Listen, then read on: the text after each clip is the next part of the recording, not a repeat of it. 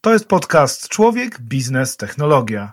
Z moimi gośćmi rozmawiam o perspektywie człowieka w świecie pełnym technologii.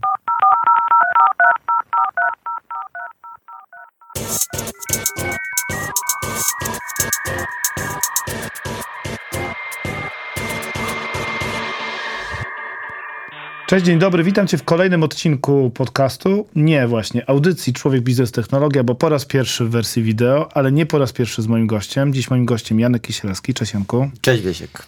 Trzy lata temu byłeś także gościem pierwszego odcinku tego podcastu. Nie wiem, czy pamiętasz. Byłem, byłem. To był taki pewien eksperyment, który zaczynaliśmy i tutaj chciałbym ci pogratulować. Nie to, że się podlizuję na początek rozmowy, ale Nie, tak wcale. szczerze pogratulować, że wytrwałeś, że zrobiłeś coś ciekawego. Ja nawet mam teraz tremę, bo pomiędzy naszym pierwszym spotkaniem a tym teraz było tylu znamienitych gości, że nie wiem, czy ja coś jeszcze wniosę w ogóle do tego wydarzenia. Natomiast e, też się dużo rzeczy działo po drodze, więc będziemy mogli sobie skomentować, co się przez te trzy lata zmieniło. Nie, no powiem ci, że ja już od pewnego czasu właśnie tak sobie pomyślałem, kogo mogę zaprosić na, na setny odcinek? Mówię, kurczę, jakiś Elon Musk. Ktoś taki naprawdę duży, a potem sobie pomyślałem, nie no, kurczę, dużo ciekawsze będzie właśnie, jak spojrzymy sobie na te trzy lata i zrobimy sobie taką pętlę i odpowiemy sobie na pytanie, takie same pytania, które wtedy sobie stawialiśmy. Czym jest marka? Co wpływa na markę? Co jest ważne dla ludzi? Bo wydaje mi się, że te trzy lata w większości przypadków, w większości branż, elementów naszego życia to było jak 10 lat co najmniej. No, Elon Musk ma teraz słaby PR, więc może w sumie dobrze, że go nie wybrałeś. No u ciebie też się dużo zmieniło. Jak poprzednio rozmawialiśmy, jeszcze byłeś w Deloitte, potem był zdaje się bank, Ion Bank, obecnie Żabka. Powiedz mi, co u ciebie przez te trzy lata? U mnie dobrze. Mam taki szansę, żeby złapać różną perspektywę na to, na czym się skupiałem od zawsze, czyli na markach, na strategiach, ale też na tym, co ostatnimi laty było mi bliższe, czyli zastanawianiu się, co będzie w kolejności. Zastanawianiu się, jakie nowe grupy, jakie nowe zjawiska i trendy się pojawią, które będziemy mogli adresować e, działalnością marek. E, ciekawy czas, a to, co się wydarzyło przez ostatnie trzy lata, to tak naprawdę przez całe moje życie tyle się nie wydarzyło w otoczeniu, co przez te ostatnie trzy lata. Mimo, że gdzieś tam z racji na swój PESEL pamiętam jeszcze czasy komunizmu, natomiast no to były czasy jednak dosyć beztroskiego dzieciństwa, a teraz na przestrzeni trzech lat zostaliśmy jako ludzie zderzeni z takimi dwoma w zasadzie egzystencjonalnymi wyzwaniami. No, teraz pewnie już nie pamiętamy, ale na początku COVID, no to nie wiedzieliśmy, co będzie dalej. Siedzieliśmy w tych domach, e, dezynfekowaliśmy klamki i przyciski w windzie, wychodziliśmy z psem, przechodząc na drugą stronę ulicy, jak ktoś przechodził. Przynajmniej mówię o sobie. No ja miałem jeszcze poza tymi dwoma rzeczami, jeszcze miałem dosyć pokaźny zapas konserw. Tak. E, ukryty w piwnicy dodatkowy zapas przed moją żoną, bo ona już za ten na górze była wkurzona. I jak tym sobie poradziliśmy i też i, i psychicznie, i, i logistycznie, to się okazało, że przez ten czas, kiedy myśmy zajmowali się COVID-em, to ktoś inny planował nam kolejną egzystencjonalną e, tak naprawdę katastrofę, no bo nie, nie, wiem jak to nazwać w dzisiejszych czasach, jeśli, je, jeśli jedno państwo wraca znowu do, do czasów sprzed kilkudziesięciu lat co najmniej i, i po prostu atakuje drugie państwo i to jest coś, co nie ukrywam, że trochę no, zachwiało moją wiarą w to, że zmierzamy w dobrym kierunku.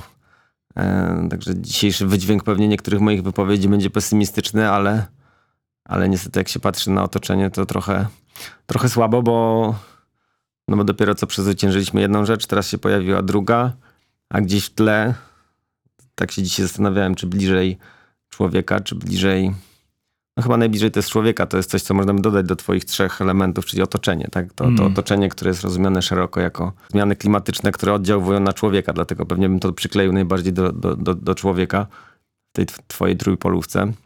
Więc tam mamy te wyzwania, które się nie zmieniają, co, co więcej czas nam się kończy, a z drugiej strony yy, mamy czynniki, które nagle hamują to, yy, zmieniają trochę perspektywę na nowo.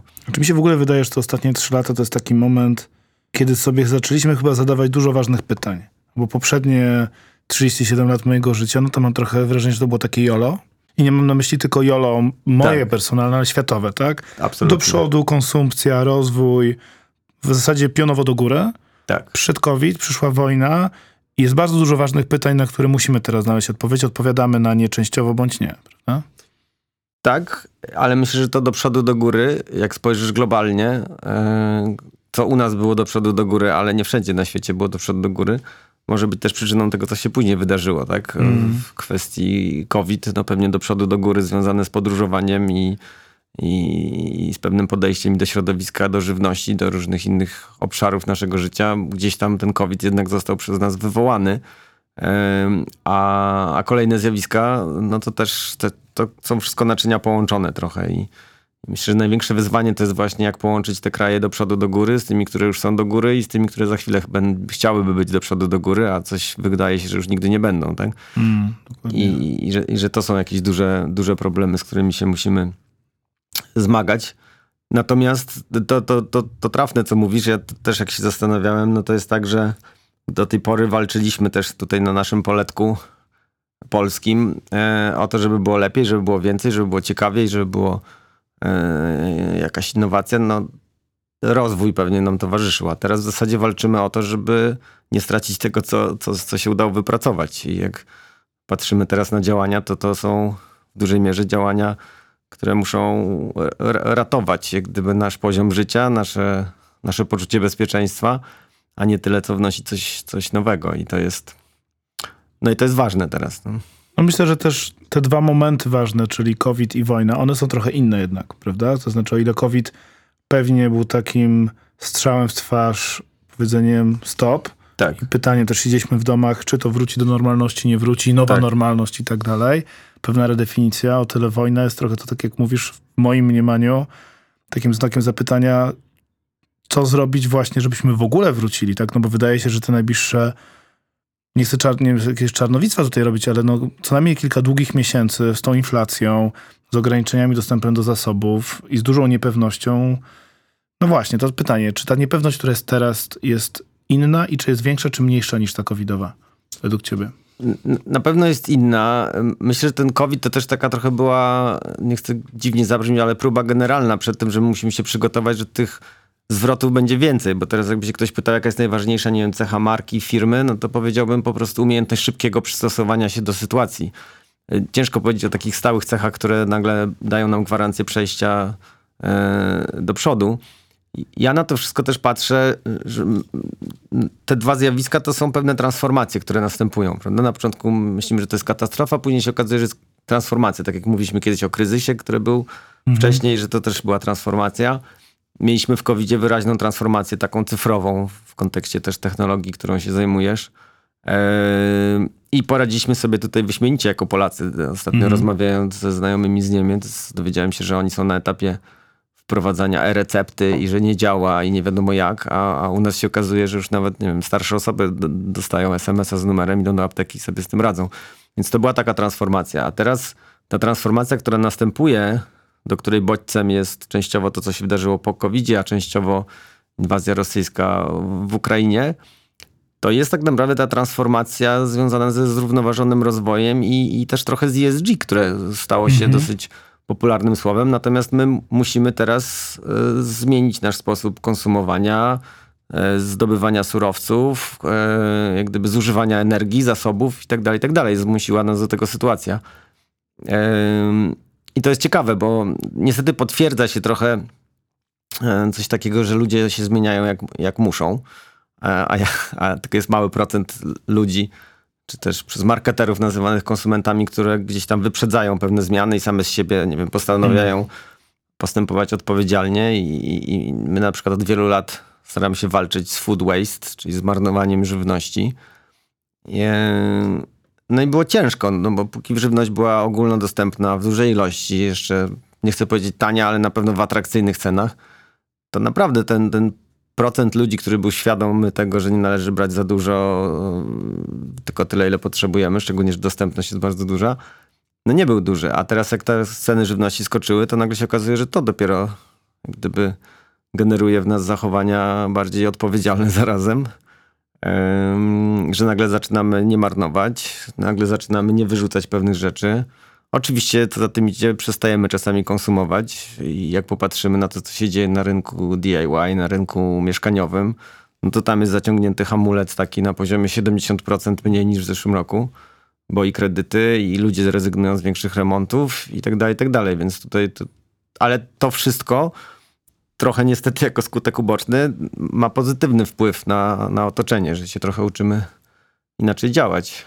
Znaczy paradoksalnie też złe rzeczy, obiektywnie złe rzeczy, inflacja, czyli brak dostępu do zasobów naturalnych, brak dostępu do kapitału dla większości osób może spowodować, że dużo bardziej popularna i skuteczna będzie na przykład gospodarka zamkniętego obiegu, prawda? Gdzieś nagle okaże, że to jest ok i do tej pory to się mówiło, że tylko to jest trend, ale teraz dla wielu osób to będzie po prostu jedyny sposób, żeby kupować ubrania używane, prawda? Bo one bardzo często można je kupić w takich aplikacjach typu Vinted, ale nie tylko. Naprawdę fajne rzeczy w dobrych cenach, które są praktycznie nowe.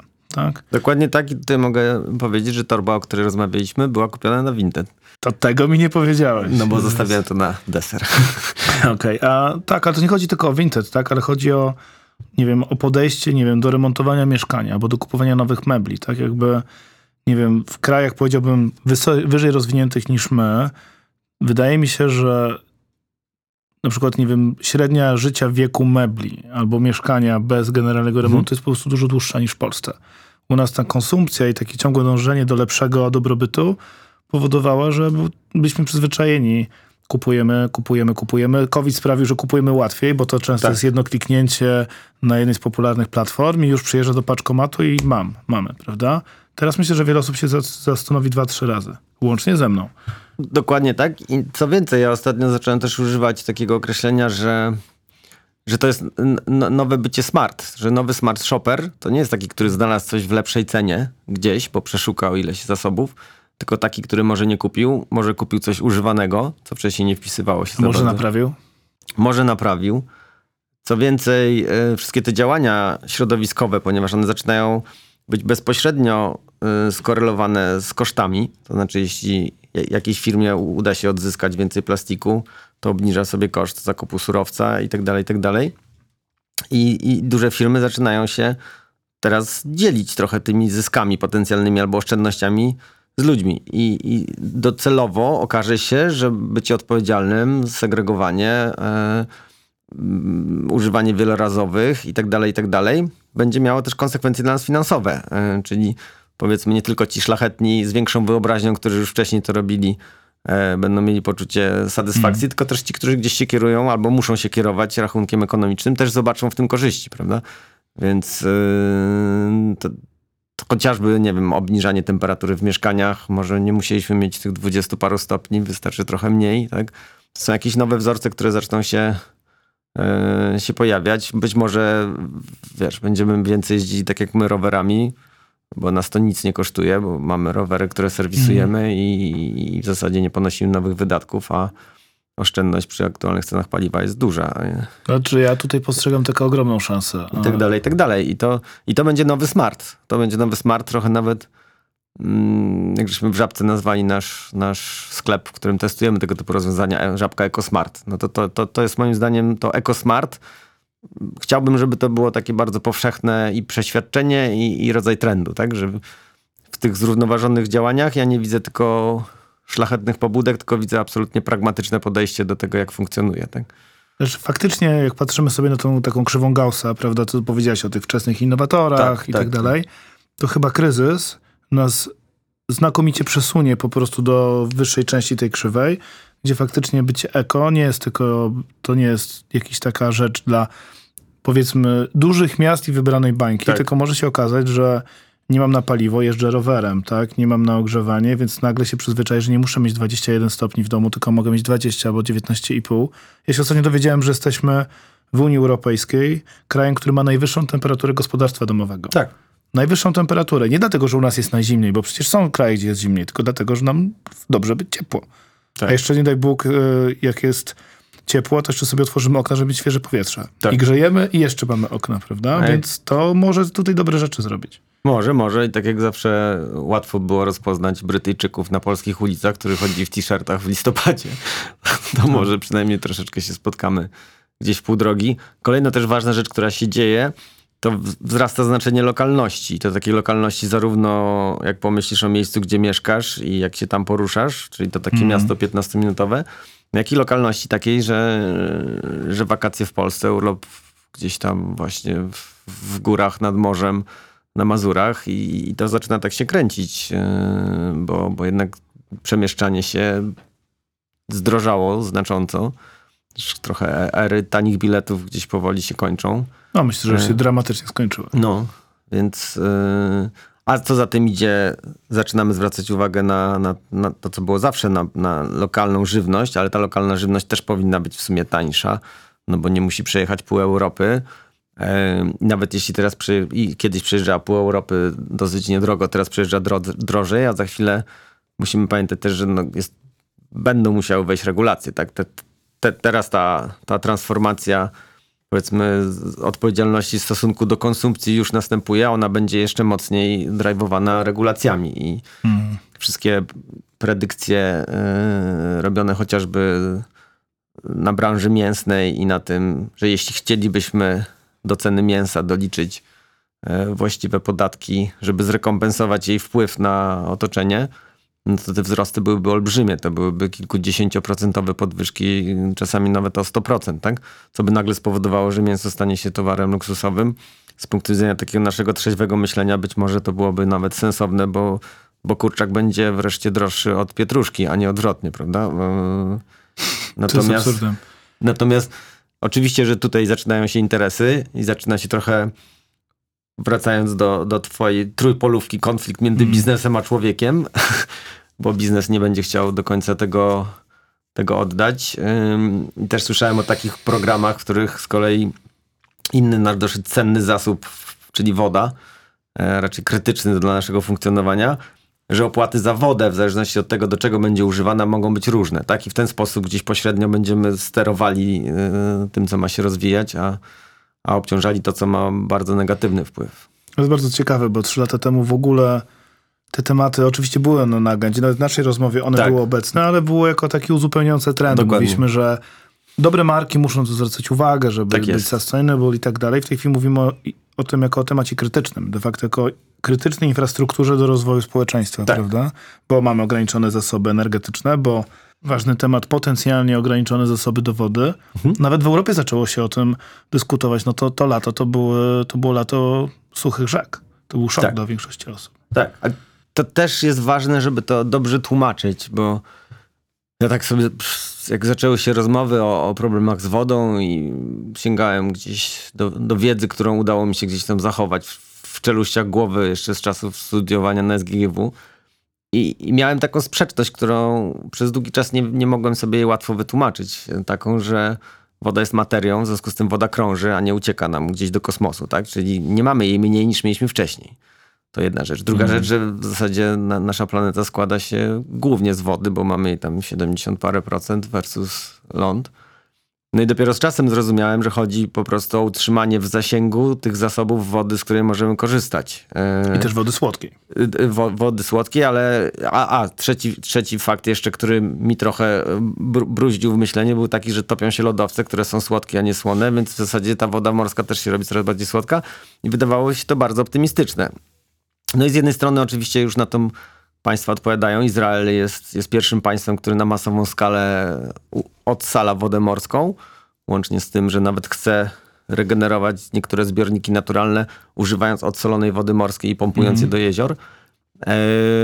Yy, ale wszystko rozgrywa się o to, że ta woda po prostu inaczej krąży, jest mniejsza dostępność tej wody dla nas, no i też dzieją się gwałtowne zjawiska, yy, coraz bardziej gwałtowne zjawiska, tak, które się pojawiają. Ale jeszcze jedna rzecz, o której powiedziałeś i myślę, że to jest strasznie ważne, że te, trochę też tego się nauczyłem, patrząc na, na trendy i, i zmiany, których też się oczekuje ode mnie, yy, żebym obserwował. Że tak jak ostatnim razem rozmawialiśmy, to były te tematy, o których teraz rozmawiamy, i one już były obecne, widoczne, prawda? Natomiast pewnie nie zwracaliśmy na nie największej uwagi, bo, bo były inne ważniejsze. Natomiast to jest coś, czemu się przyglądam, że jak za każdym razem przychodzą jakieś takie silne drivery zmiany, to niekoniecznie pojawia się coś kompletnie nowego, tylko nagle, wiesz, wzmacniają się już istniejące rzeczy. Tak jak w COVID-zie znaliśmy pracę zdalną, tak? Funkcjonowało coś takiego. Co więcej, pracę zdalną, jak się okazuje, wynaleźli prowadzący program Sonda, który ten fragment jest po prostu powala wszystkich, jak widzą, że, że wiele, wiele lat temu, jeszcze zanim się komukolwiek przyśnił internet, oni już stwierdzili, że nie ma sensu jeździć do pracy, bo można pracę za pomocą przesyłu danych do domu zabrać. E, no i, i COVID spowodował, że ten istniejący kawałek i te rozwiązania zostały udoskonalone, wyskalowane i się udało. Tak? To, to, co, to, co jest teraz, to w wielu przypadkach jest, jest dosyć zabawnie, że sięgamy nagle do doświadczeń w ogóle dla nas całkiem znanych, czyli z, czasów, kiedy brakowało rzeczy, nawet do czasów komunizmu. E, I coś takiego jak butelka zwrotna zaczyna być absolutnie standardowe. Coś takiego jak, Oby było bardziej. jak posiadanie własnych pojemników, z którymi idę, e, termosów po lody na przykład. Czemu nie, tak? E, już teraz możesz przyjść z własnym kubkiem do, do sieci wielu kawiarni, możesz przyjść z własnym kubkiem do żabki i dostajesz niższą cenę, przez które przyszedłeś z tym kubkiem. Mm, Także te rozwiązania e, i te trendy, które teraz na przykład się wzmacniają, one były, gdzieś tam sobie trochę drzemały, dlatego, dlatego warto, tak jak zresztą razem jak pracowaliśmy w Deloitte i też w ramach przecież praktyki Deloitte, która e, polegała na przewidywaniu pewnych trendów, najbardziej skupialiśmy się na tym, na tych takich niepewnościach, czyli nie na tych takich ewidentnych trendach, co wszyscy widzą, że już są duże i silne, e, tylko na tych, które wzbudzały dyskusję i trzeba było je obserwować, tak? Bo przychodzi czynnik zewnętrzny, to on nagle napędza coś, co już było. No właśnie, chciałem do tego nawiązać, bo jesteś jednym ze współautorów raportu Foresightowego 2025, prawda? No 2025, jak wtedy go tworzyłeś, to No, była to perspektywa dziesięcioletnia. Tak, tak, tak, tak. No w tej chwili to już do dwóch lat de facto, tylko ta przyszłość daleka się skurczyła.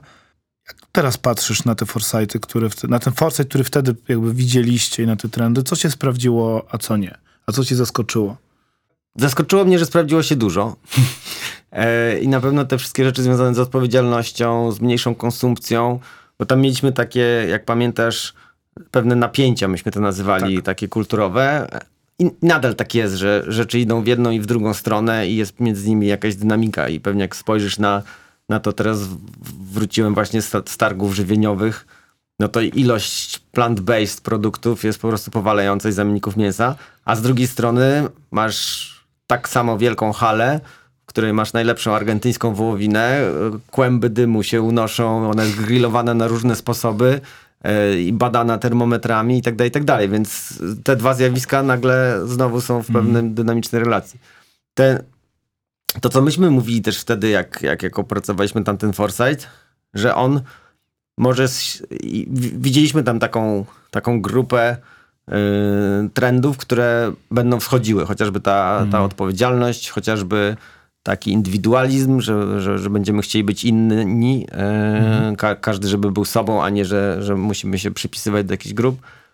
I, i, I dosyć istotnym było to, że mówiliśmy, że, ale że te rzeczy mogą się przewartościować w obliczu jakichś takich krytycznych zmian. No i te krytyczne zmiany od czasu do czasu następują i są silnym bodźcem. I oczywiście, że jak się pojawia COVID, no to na chwilę zapominamy o tej odpowiedzialności, przynajmniej w obszarze, nie wiem, nieużywania jednorazowych rzeczy.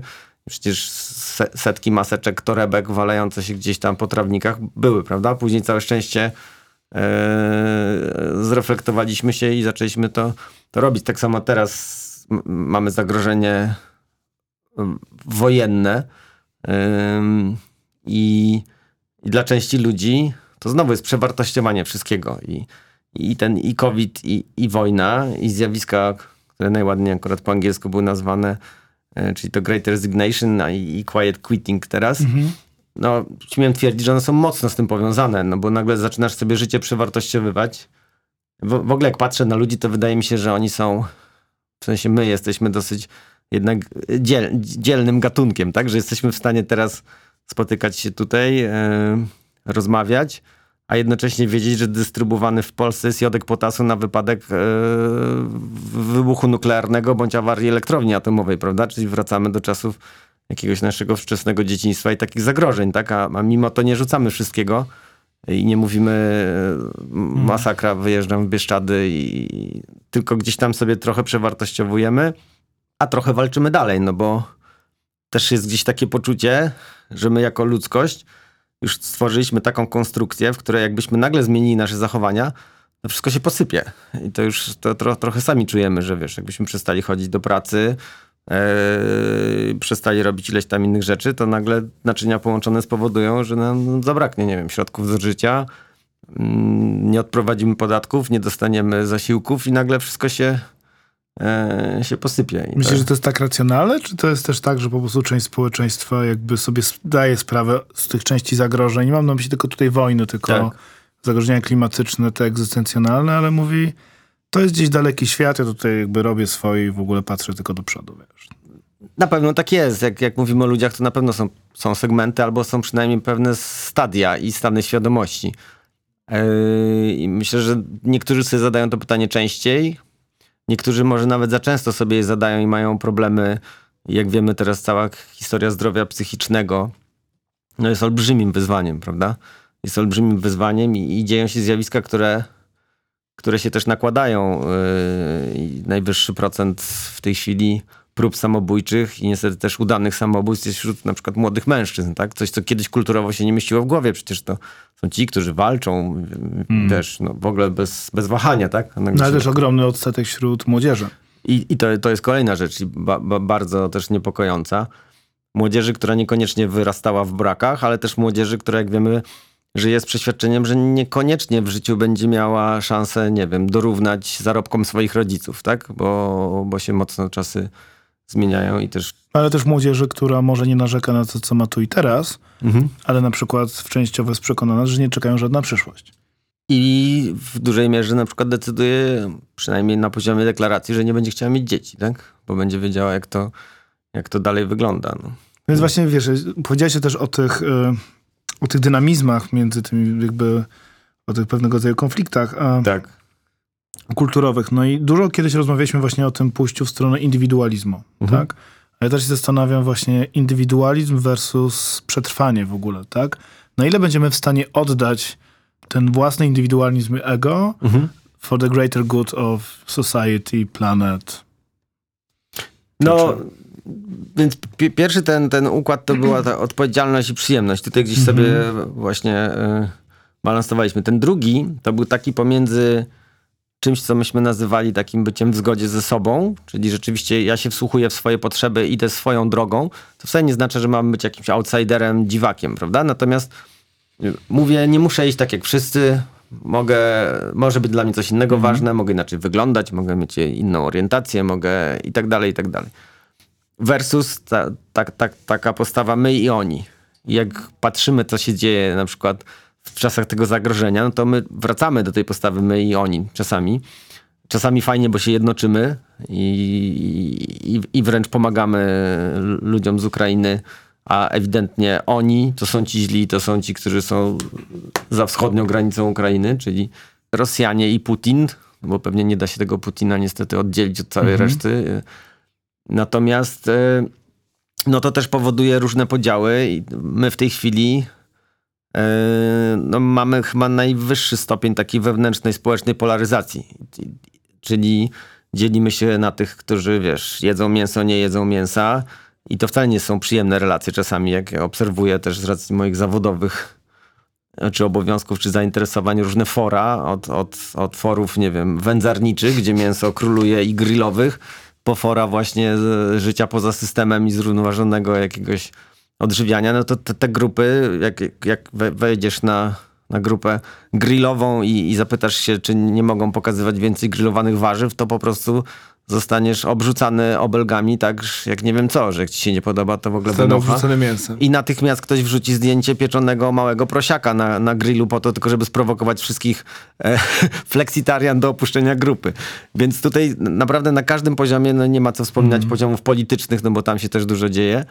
No ale na poziomie, wiesz, my tutaj Polacy versus reszta Unii, a, w, no, no, dużo tych podziałów jest i to, i, to, i to nie jest dobre. No nawet, wiesz, po tej pierwszej reakcji takiej e, napawającej optymizmem i pomocy ludziom z Ukrainy, też się zaczynają pojawiać później konflikty, też się zaczyna pojawiać poczucie, no dobra, jesteśmy skłonni pomagać do momentu, kiedy nie obniża to naszego poziomu życia, prawda? To jest Więc- ogóle, ale to jest w ogóle ciekawe, o tym powiedziałeś my kontra oni, bo w covid miałem takie wrażenie, że to my to było takie definiowane jako moje ognisko domowe bardzo mocno. Znaczy w lockdownie jakby pewnie dla wie, wielu osób zapewnienie bezpieczeństwa ogniska domowego to Tak. byliśmy właśnie my, a oni to wszyscy ci, co za drzwiami. Troszeczkę, tak z kategorii, prawda? Albo ci Ale- co kaszlą. Albo ci to kaszlą, to różnie takie. Tak. No, pamiętam różne miny w windach, Tak, które były tak, i, te, tak. i te opowieści i tak dalej. Albo jak ktoś wchodzi do sklepu bez maseczki, to ten zły. Ja też pamiętam, jak poszedłem jeszcze w końcówka lutego, początek marca, kiedy jeszcze w ogóle nie było lockdownu, poszedłem w maseczce jako jeden z pierwszych do sklepu, to też było właśnie oni kontra ja, bo wszyscy patrzyli Tak. na mnie jak na wariata. Ale mówię to o tym, bo w tej sytuacji wojny w Ukrainie miałem takie wrażenie, że przynajmniej przez chwilę to my było definiowane inaczej. Tak? Że faktycznie to taki moment zjednoczenia, i pewnej rezygnacji ze swojego dobra na rzecz przyjęcia Tak. e, n- naszych gości z Ukrainy tutaj m, było widoczne, tak? Ludzie, wiesz, Tak. no wynajmowali swoje mieszkania albo dawali je za darmo, tak? Nie na długo nam to starczyło być może, ale no właśnie, to jest pytanie, na ile my będziemy też jako konsumenci w stanie rezygnować ze swojej wygody, ze swojego poziomu życia na rzecz na przykład planety, a na ile w ogóle będziemy zmuszani do tego. No ja obstawiam, że w, na masową skalę to będziemy zmuszeni, ale że sobie będziemy to irracjonalizowali później i się do tego przyzwyczaimy, to zauważymy tego, Mm. tego korzyści, ale, ale myślę, że będziemy zmuszeni. Te, to, co wspomniałeś, to w ogóle myśmy dotarli do takiego fundamentalnego my i oni, czyli do- dotarliśmy no, do tej odwiecznej, dynamicznej relacji pomiędzy światem demokracji a światem ustrojów e, totalitarnych i e, no i to, to, co się dzieje na świecie, ta narracja gdzieś rozpostarta między Stanami Zjednoczonymi, e, Chinami, e, Rosją, no to, to, to, to są te historie, które się tam dzieją i to, to jest kolejna rzecz, jak patrzymy ze skali makro, to ten porządek, który gdzieś był ustalony, e, który od czasu do czasu gdzieś tam wy, wybuchał w mniejszy sposób. No te, teraz widzimy, że cokolwiek się ruszy, to znowu są jakieś naczynia połączone i to, to z kolei interakcje wspierania jednych krajów, drugich krajów, włącza się Izrael, włącza się Mm. e, Iran i, i, zaczynają się robić rzeczy e, niepokojące. To jest coś, co w ogóle mnie osobiście mm, momentami rzeczywiście przeraża, bo mm, czytając codzienne wiadomości widzę rzeczy, które czytałem w podręczniku do historii i które się działy przed wybuchem wojny światowej, prawda? To, to były dokładnie takie same wiadomości, jeśli chodzi o różnego rodzaju wypadki, prowokacje i tak dalej, i tak dalej, tak? Na, na poziomie międzypaństwowym. E, I to też nie pozostaje bez znaczenia na, na nas, e, na to, jakich wyborów dokonujemy codziennie, prawda? Pełna zgoda. Natomiast chciałem się dopytać ciebie jeszcze jedną rzecz. Sam wspomniałeś o kilku takich dużych trendach Mhm. wywołanych przez COVID w kontekście tego, zakładając teraz czapkę nas jako pracowników, nas jako pracodawców. tak. E, I może skupmy się na sekundkę na tych trendach, czyli Great Resignation i obecnie Quiet Quitting versus i czy te, te trendy ciągle będą obecne versus zagrożenie wojną, bezrobociem, inflacją. Czy te rzeczy się wykluczają, czy, te, czy wręcz wzmacniają? No, te, tak, jak, tak jak mówiłem, moim zdaniem e, tak przewartościowanie, to jest naturalne. Jeśli nagle dzieje się coś takiego, co może wywrócić twoje plany, po, pokazać, że twoje dotychczasowe priorytety w ogóle były śmieszne, bo, bo to się może przekreślić nie na poziomie 10 lat, czy, czy tego, co wszyscy wiemy, jakieś choroby, tylko że to może na, nagle się zmienić, tak? Z, z dnia na dzień. No to, to się te elementy mo, mocno nasilają, ale to, co po covid moim zdaniem też się wydarzyło ciekawego i, i co trochę łączy nam kropki z tym trendem takim w zgodzie ze sobą, to jest, że chociażby praca zdalna. Oczywiście nie możemy ekstrapolować pracy zdalnej na całą populację Polaków, bo, bo, no bo to nigdy, w zależności od branży, no w branży IT to akurat dochodziło prawie do 50%, natomiast w całej populacji pracujących Polaków no to to nie przekraczało nigdy chyba 15%, jeśli chodzi o te grupy, które pracowały zdalnie, no bo jednak kierowca autobusu jeszcze nie może pracować zdalnie, e, albo, albo sprzedawca w sklepie.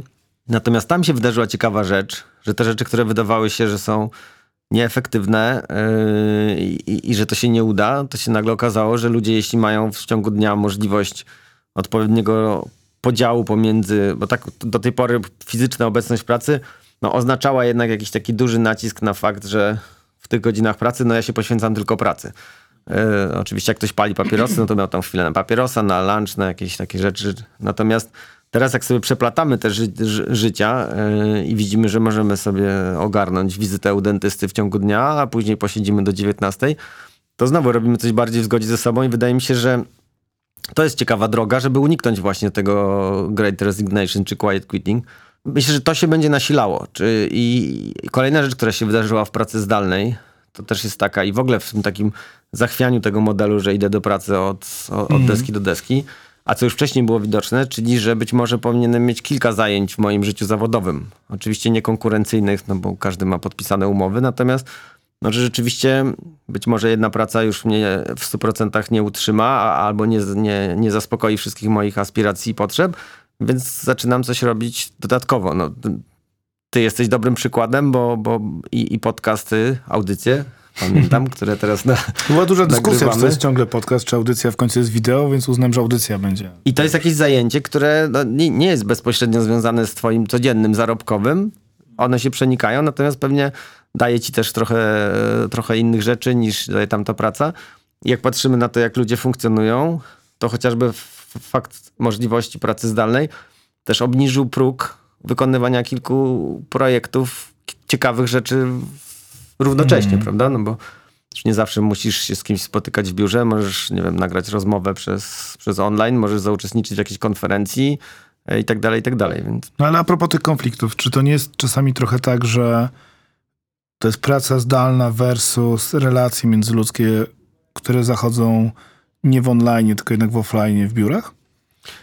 Na pewno, chociaż tutaj opieram się też na jakichś swoich obserwacjach. Zobaczyłem, że tak jak mówię, nie podparte żadnymi badaniami ani, ani profesjonalną analizą psychologiczną, że dystans się zrobił mniejszy i relacje szybciej się nawiązują. To znaczy, jeśli pracujemy yy, w takim mieszanym trybie, to te momenty, kiedy nie jesteśmy online, tylko jesteśmy offline, mam wrażenie, że są nawet lepiej wykorzystywane i że ludzie jakoś szybciej, głębiej budują tą relację bez jakichś takich podchodów, czy też gry, gry wstępnej, powiedzmy.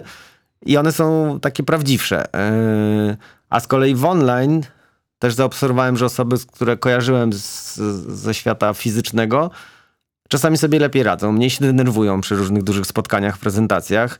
Też się dystans szybko skraca. W zasadzie w online nie pamiętam, kiedy ostatnim razem ktoś mówił na pani, pani, tak? Coś, co się wydawało kiedyś normalnym, że jednak nie w ramach jednej firmy, ale też zewnętrznych relacji. A tutaj w online widzisz człowieka, który siedzi w bluzie i w domu, wchodzi mu na nogi kot i jak gdyby wszystko, wszystko się oswoiło trochę. E, tak jak mówię, to są jakieś moje o, o, obserwacje, tak?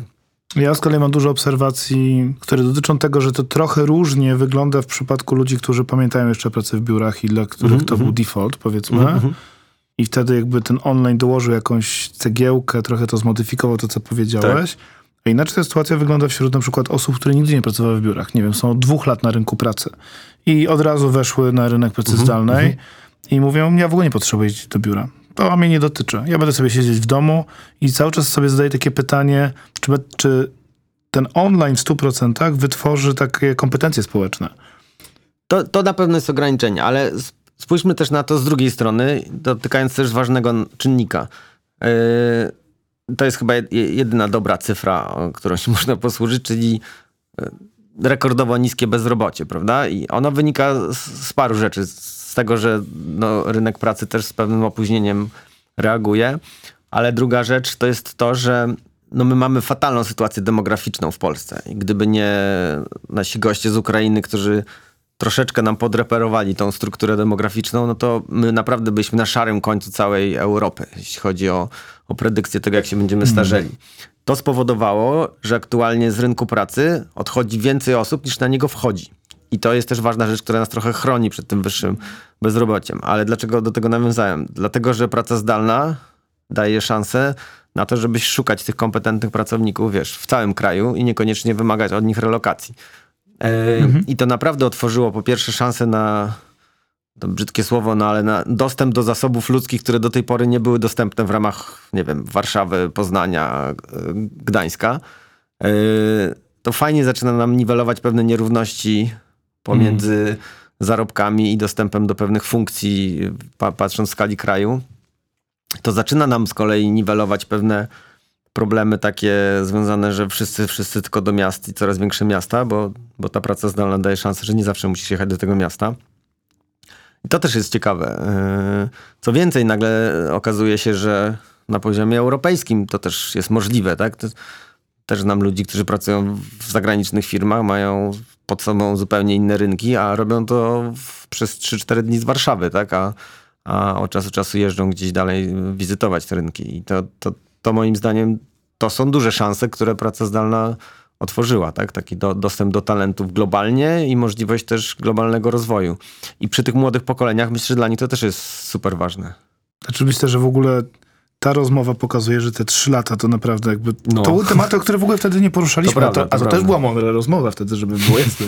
tak mi się przynajmniej wydaje po tych trzech latach, ale, ale ta zmiana jest niesamowita, tak? I teraz tak, wiesz, zastanawiam się też, jakbyś teraz założył właśnie tą cz- czapkę Head of Foresight Żabka, tak? Czyli, no wiesz, masz, pracujesz w firmie, która jest w tej chwili największym największym sklepem w Polsce, trzeba sobie jasno powiedzieć, tak? Największa liczba punktów, praktycznie... na- Dokładnie w tym miesiącu wyprzedziliśmy naszego poprzedniego e, ko- kon- konkurenta i mamy największą liczbę sklepów. Do końca roku będzie 9 tysięcy takich punktów. Tak, no i jakby na każdym rogu można tak sobie uprościć, tak? Więc Tak. macie pewnego rodzaju wyjątkową możliwość takiego wglądu w przegląd statystycznej Polki, Polaka, ich potrzeb i tak dalej.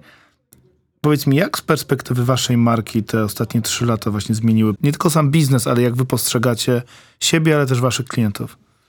No, ja dołączyłem do Żabki w czasie COVID i powiem ci, że atmosfera też, która tam panowała, to była taka atmosfera, że my mamy naprawdę misję i ja też tak definiuję Żabkę poza różnymi innymi obszarami jako pewną służbę.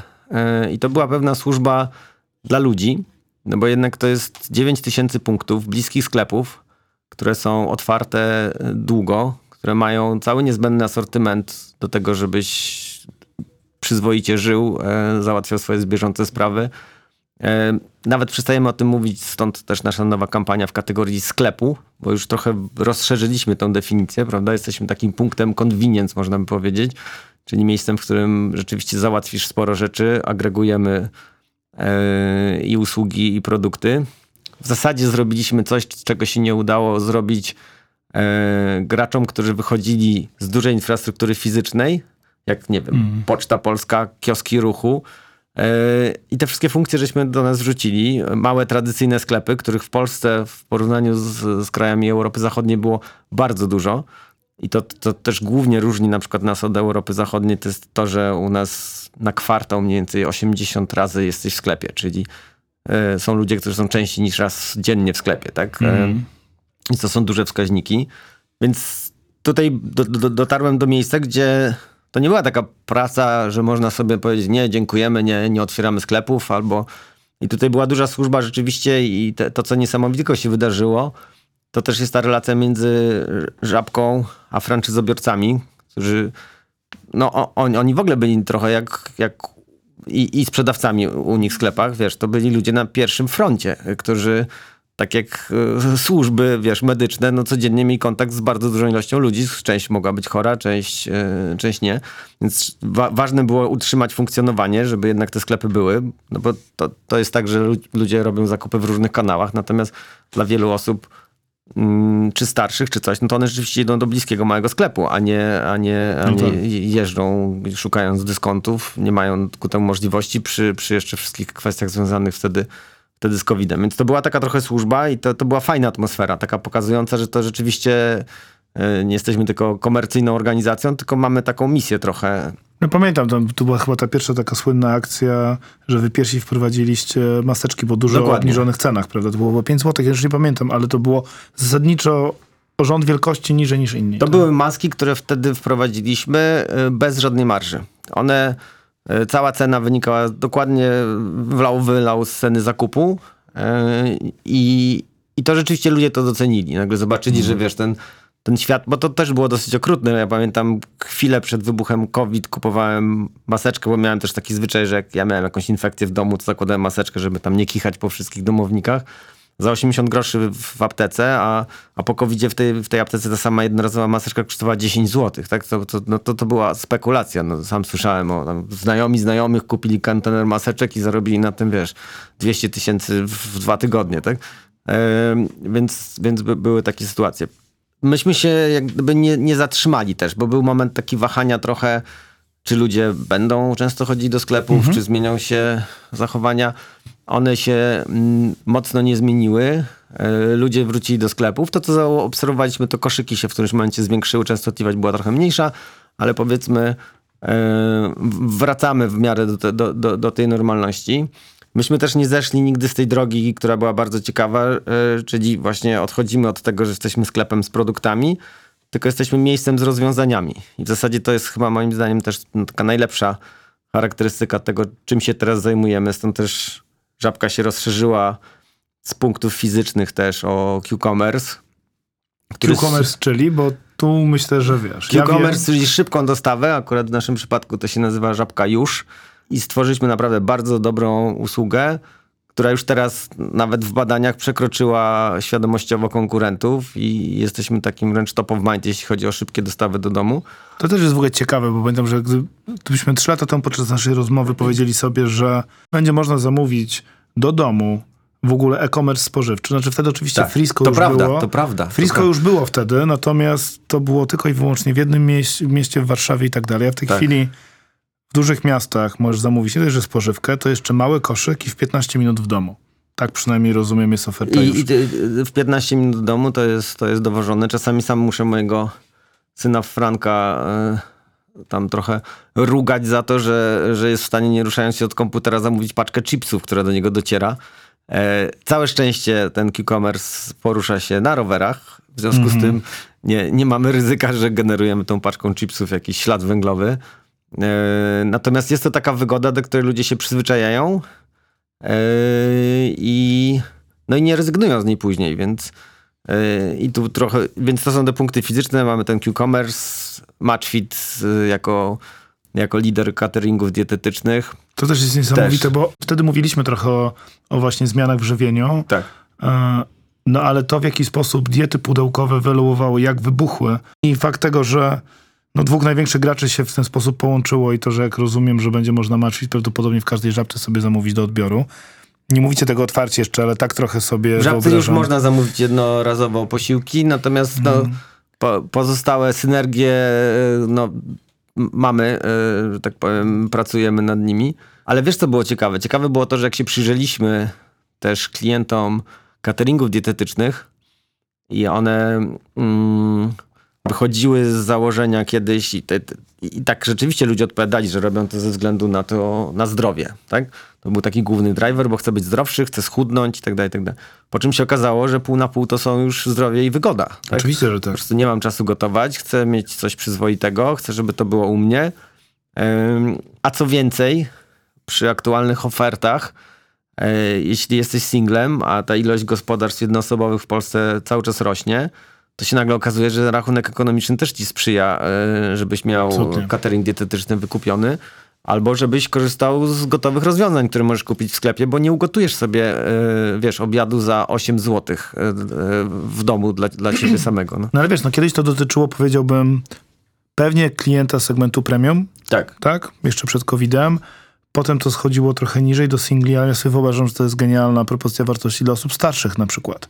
Już, wiesz, no kiedyś te też były barki i osoby starsze sobie chodziły po te obiady, no w tej chwili Tak. mogą rano się budzić i przed drzwiami już mają to na cały dzień ugotowane po prostu. Tak? Podobnie jak zresztą gotowe rozwiązania żywieniowe, które, które masz już w samej fizycznej żabce. E, jest- bo bo to, to było założenie, które myśmy od, od zawsze mieli, że my mamy redefiniować pewne kategorie i szczególnie tam, gdzie my wchodzimy z naszymi brandami, bo to, to nawet nie, nie można tego nazwać private label, tylko mówimy o tym own brand, prawda? Nasze marki. Założenie było, że one nie wchodzą tam, żeby zrobić coś, no tak jak kiedyś się mówiło, taką, taką podróbkę, coś tańszego, e, love brandów. Nie, one wypełniały pewne nisze, tak jak mamy, nie wiem, szoty S.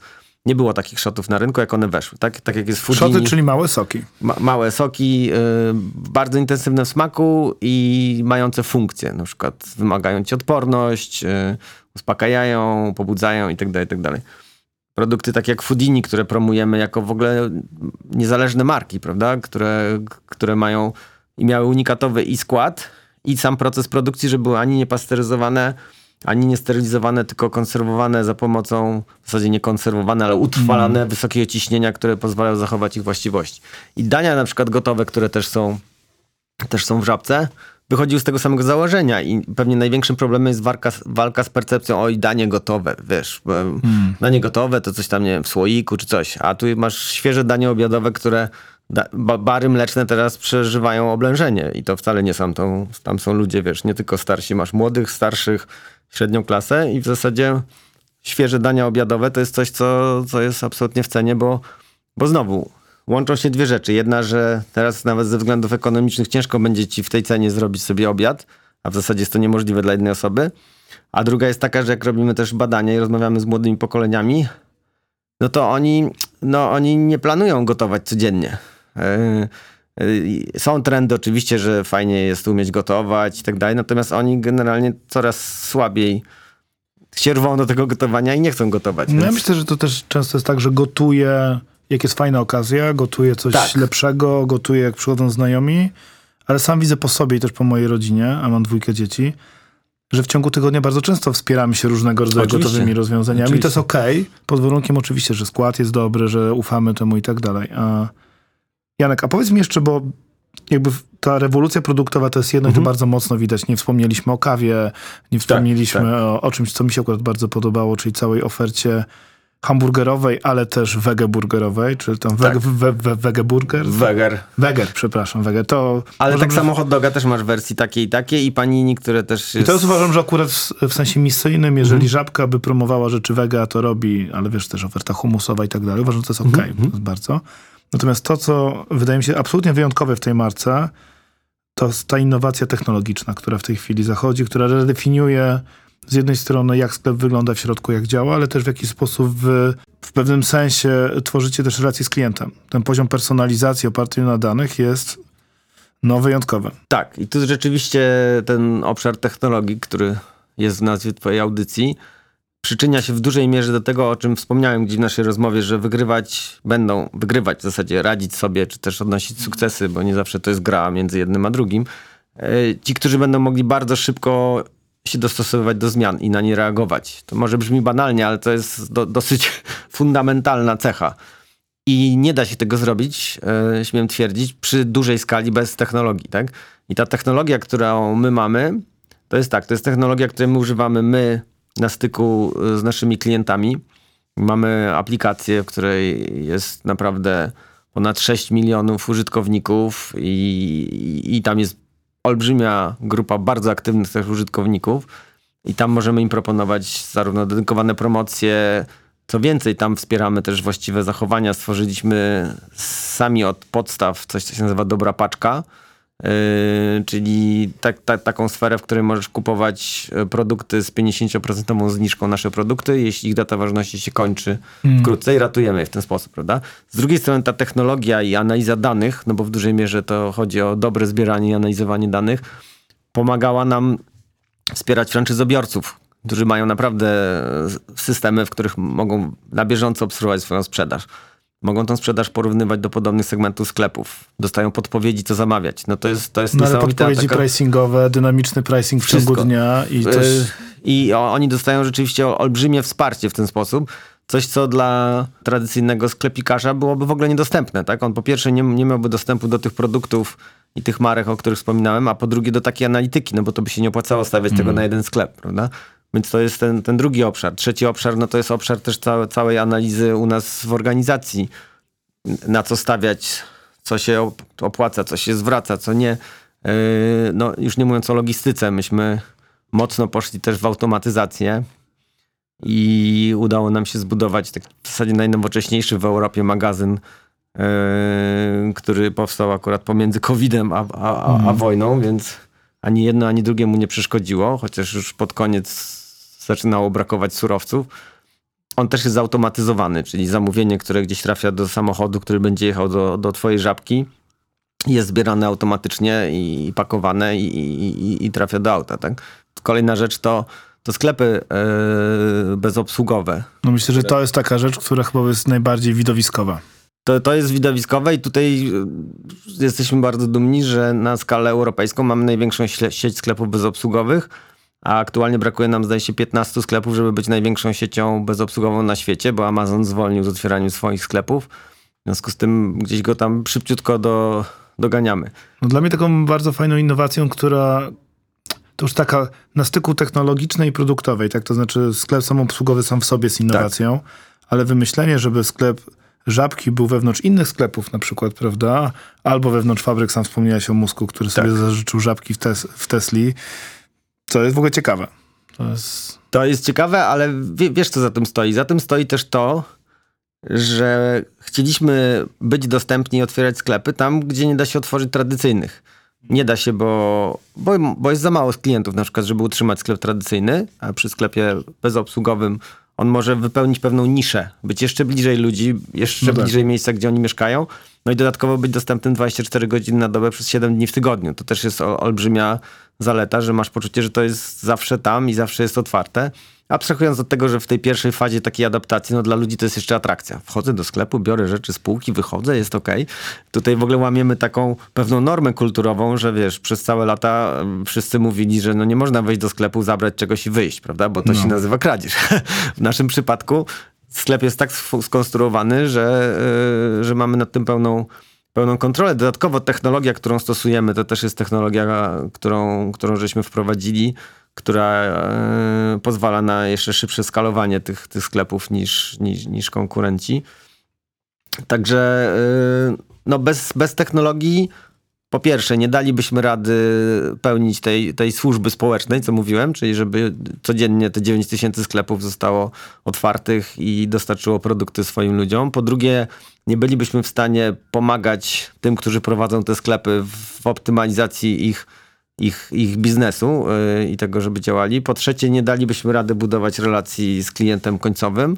A po czwarte, ciężko było nam było nawet zarządzać i, i, i planować rozwój naszej organizacji na takich, że tak powiem, mo- mo- mocno burzliwych wodach nie jest łatwe. Nie da się tego zrobić bez patrzenia na dane, a rzeczywiście u nas, jak sobie przypominam wewnętrzne nasze różne spotkania i to, jak na co dzień działamy, no to patrzymy tam. To, to, to, to nie jest organizacja, która się opiera na intuicji, tylko to jest organizacja, która patrzy, obserwuje, rozumie, analizuje, zadaje pytania i odpowiada na te pytania z, dzięki technologii i analizie danych. Tak? To też jest ciekawe, jakby za, jakbyś mi powiedział trzy lata temu, po pierwsze, że ty będziesz pracował w Żabce, to pomyślałbym sobie, wow, dużo rzeczy jeszcze nie widziałem w życiu, ale już wtedy trochę rozmawialiśmy, nie czy pamiętasz, mieliśmy taki element naszej rozmowy, kiedy mówiliśmy właśnie, że to duże sieci retail mogą być, one mogą przewodzić innowacji w Polsce, bo mają największy wpływ na społeczeństwo. No i de facto to się na naszych oczach dzieje, chociaż nie spodziewałem się, że będziemy mówili o tak głębokich i naprawdę niesamowitych innowacjach technologicznych i więcej nie powiedziałbym, że to właśnie sklepy typu convenience będą w tym e,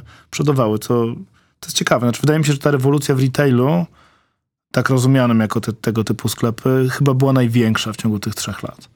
Tak mi się wydaje. To prawda, jak ja obserwuję, co się dzieje w tej kategorii, no to to była największa rewolucja.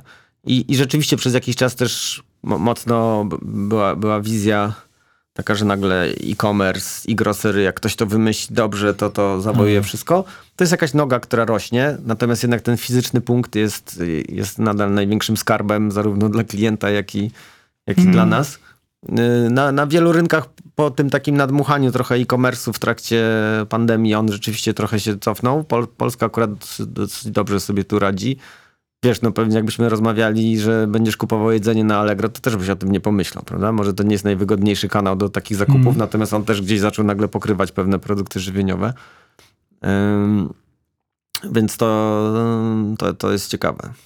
Słuchaj, jak teraz miałbyś znów założyć czapkę taką foresightową i wiem, że chyba teraz ten horyzont, horyzont foresightu się prawdopodobnie skraca, bo te zmiany zachodzą super szybko, ale jakieś takie twoje hipotezy na najbliższe miesiące, lata, co nas może czekać? Wiesz co, no trochę te rzeczy, o których wspominałem, czyli od strony nas i naszych zachowań, no to nie unikniemy takiego miksu ym, pomiędzy działaniami zrównoważonymi, a tymi sprytnymi, czyli tym smart. I, be, i, be, i będziemy szukali, będziemy oszczędzali, będziemy trochę zmieniali nasze zachowania, eliminowali coś, co ja czasem nazywam jakimiś takimi absurdami, tak, że robimy coś, no bo trzeba pojechać samochodem, no bo trzeba, będziemy, tu będzie większa refleksyjność. Ko- kolejna rzecz, która się będzie działa, no to myślę, że no, będziemy trochę hamowali. Zobaczymy, jak, jak z tym naszym zagrożeniem tego, że mamy stałą pracę, jak to się ułoży. Myślę, że no, będą narastały te obawy. To już widać, zarówno jak analizujemy badania wśród pracodawców, jak i pracowników. Zaczyna się nagle robić może trochę większy jednak szacunek do swojej pracy. I być może to quiet quitting i great resignation nam to trochę wybije z głowy, mówiąc staromodnie. To na pewno. Na pewno, yy, znaczy na pewno, w zasadzie samo powiedzenie na pewno, jak No do przyszłości już jest nieprawidłowe.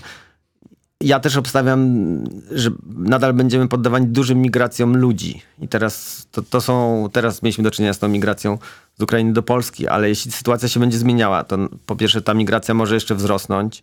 Mogą, mogą docierać do nas ludzie nawet y, mocno poszkodowani fizycznie, których trzeba będzie u nas leczyć. Mogą być te migracje ze strony oczywiście ludności z Białorusi. Będą migracje też, czym bardziej będzie niespokojna sytuacja z Polski do innych krajów Europy, czyli takie przemieszczanie się znowu związane z krytycznymi takimi wskaźnikami mm. będzie rosło i to nie będą i, i to jest dosyć, do, do, dosyć istotne. No a te rzeczy, które wiemy na pewno, e, no to jest ten kryzys demograficzny, bo mówię na pewno, no bo to obserwujemy i, i, to się nagle nie zmieni, tak? To, że nam się starzeje społeczeństwo i w związku z tym mamy całą gamę rzeczy, które no, nie zniknęły podczas tych egzystencjonalnych wyzwań. No i ta kwestia związana z naszym klimatem i walką o to, żeby ten moment, gdzie, gdzie my jako ludzie, a już schodząc bardziej w biologię ssaki, mamy dla siebie to okno w, w dziejach, żeby to nam maksymalnie przedłużyć, no bo, bo to o to chodzi, prawda? My nie walczymy o to, żeby planecie było dobrze, bo planeta nie potrzebuje nas do szczęścia, ona była przed nami i ona będzie po nas. Zmieni swój kształt, tak jak robiła to wielokrotnie, wiesz, my jesteśmy takim tutaj wycinkiem. Natomiast no, my walczymy o to, żeby, żeby móc spać spokojnie, myśląc o swoich dzieciach, które chodzą teraz do szkoły, a za 20 lat będą na naszych miejscach siedziały. To też jest dosyć smutne, że kiedyś myśleliśmy o tym, żeby może prawnuki i wnuki miały jeszcze ok, a w tej chwili już tak. absolutnie mówimy o naszych dzieciach. To jest smutne, a z drugiej strony to jest mobilizujące. Y, absolutnie. Słuchaj, a jeszcze tak, bo to jest człowiek biznes, technologia i, i jakby powiedzieliśmy trochę o takim trend, tych trendach ludzkich, trochę biznesowych, mhm. a jak myślisz, będziemy dalej się fascynowali technologią, czy nastąpi taki moment trochę oby aha moment względem technologii, czy pójdziemy jak w dym po prostu i znikniemy w metaverse? Znaczy, co do metaverse, no to to jest, to jest w ogóle ciekawe pytanie. No na, na razie zawieszone o tyle, że chyba nie ma takich mocy przerobowych, żeby ktoś to postawił, żeby to działało, prawda? To jest jakieś... Ja, ja zawsze, będąc już osobą wiekową, wspominam Second Life i dla mnie to była taka mm. pierwsza próba z metaverse, tylko taka, która trochę nie miała sensu, bo nikt jej nie nadał sensu, tak? E, e, ale pamiętasz, że kiedyś się o tym mówiło, że w zasadzie tam wsiąkniemy e, i tak dalej. No, całe metaverse, jak o tym słyszymy, no to widzimy film Matrix i myślimy sobie, że jeśli... Albo, albo Player One. Takie tak. bardziej świeże. Jeśli pomyślimy sobie o tym, że planeta zaraz będzie nieznośna do życia, a z drugiej strony mamy metavers, no to naprawdę wychodzi z tego coś takiego, że będziemy utrzymywali swoją świadomość w jakimś, jakiejś równoległej mm. rzeczywistości. Ja, ja wychodzę z założenia też, że to, co się naprawdę przyjmuje, to to, co jest dosyć pragmatyczne i że taka fascynacja technologią też na poziomie klienta końcowego, że po prostu technologia że to raczej nie. Zważywszy na te też deficyty, które będziemy mieli braki, będziemy musieli coś wybierać, tak? Mhm. E, jedną subskrypcję, nie wiem, jedno urządzenie zamiast trzech i tak dalej, i tak dalej. Więc myślę, że tutaj to będzie bardziej sharp. Na poziomie analizy danych, no to my będziemy potrzebowali tego, żeby przetrwać. E, wiesz, przepływ informacji, analiza danych. Z jednej strony już widzimy, co się dzieje z informacją i ile ona potrafi zrobić szkodliwości, ile pozytywnych, że jedna wypowiedź jesteśmy już na, na, tyle na rozbujanym statku, że jedna wypowiedź w mediach jednego dnia powoduje, że 70 miliardów z giełdy e, ewaporuje w ciągu następnych trzech dni. Tak? Więc tu, tu, przepływ informacji i technologia, która to wspiera, kluczowa. Analiza danych, chociażby w kontekście tych zmian środowiskowych, kluczowa, żebyśmy znowu na poziomie globalnym byli w stanie obserwować. No, czy w kontekstach pandemicznych także. Czy w kontekstach pandemicznych. I to wszystko będzie musiało się dziać ponad granicami.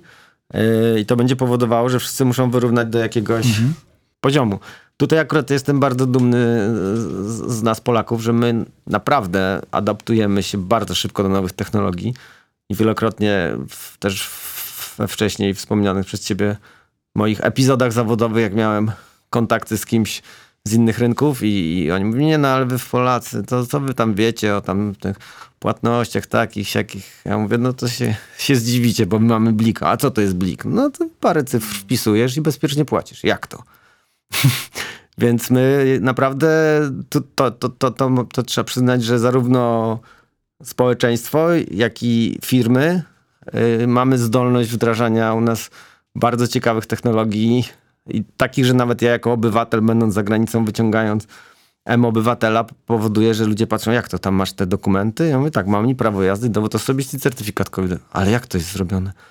I, I wiesz, i nagle w tych krajach, do których jeździliśmy swego czasu z pewnymi kompleksami materialnymi, a czasami też takimi, że no, u nas są deficyty, to nagle oni na nas patrzą y, z podziwem.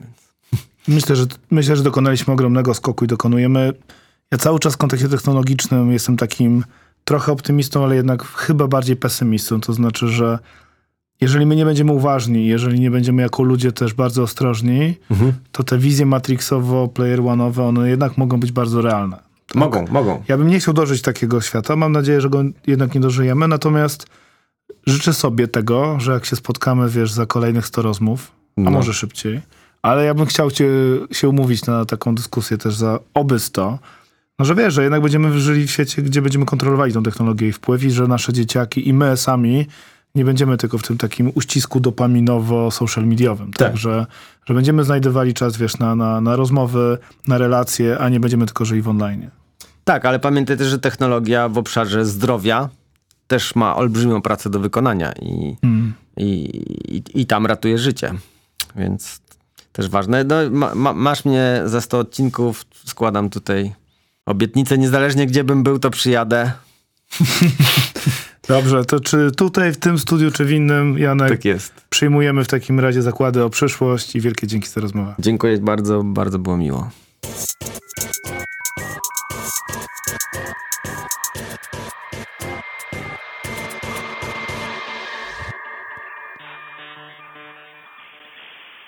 Dziękuję za poświęcony czas. Ten oraz inne odcinki podcastu Człowiek Biznes Technologia znajdziesz na stronie Deloitte.com oraz na najpopularniejszych platformach podcastowych takich jak Spotify, Apple Podcast, Tidal czy Google Podcast.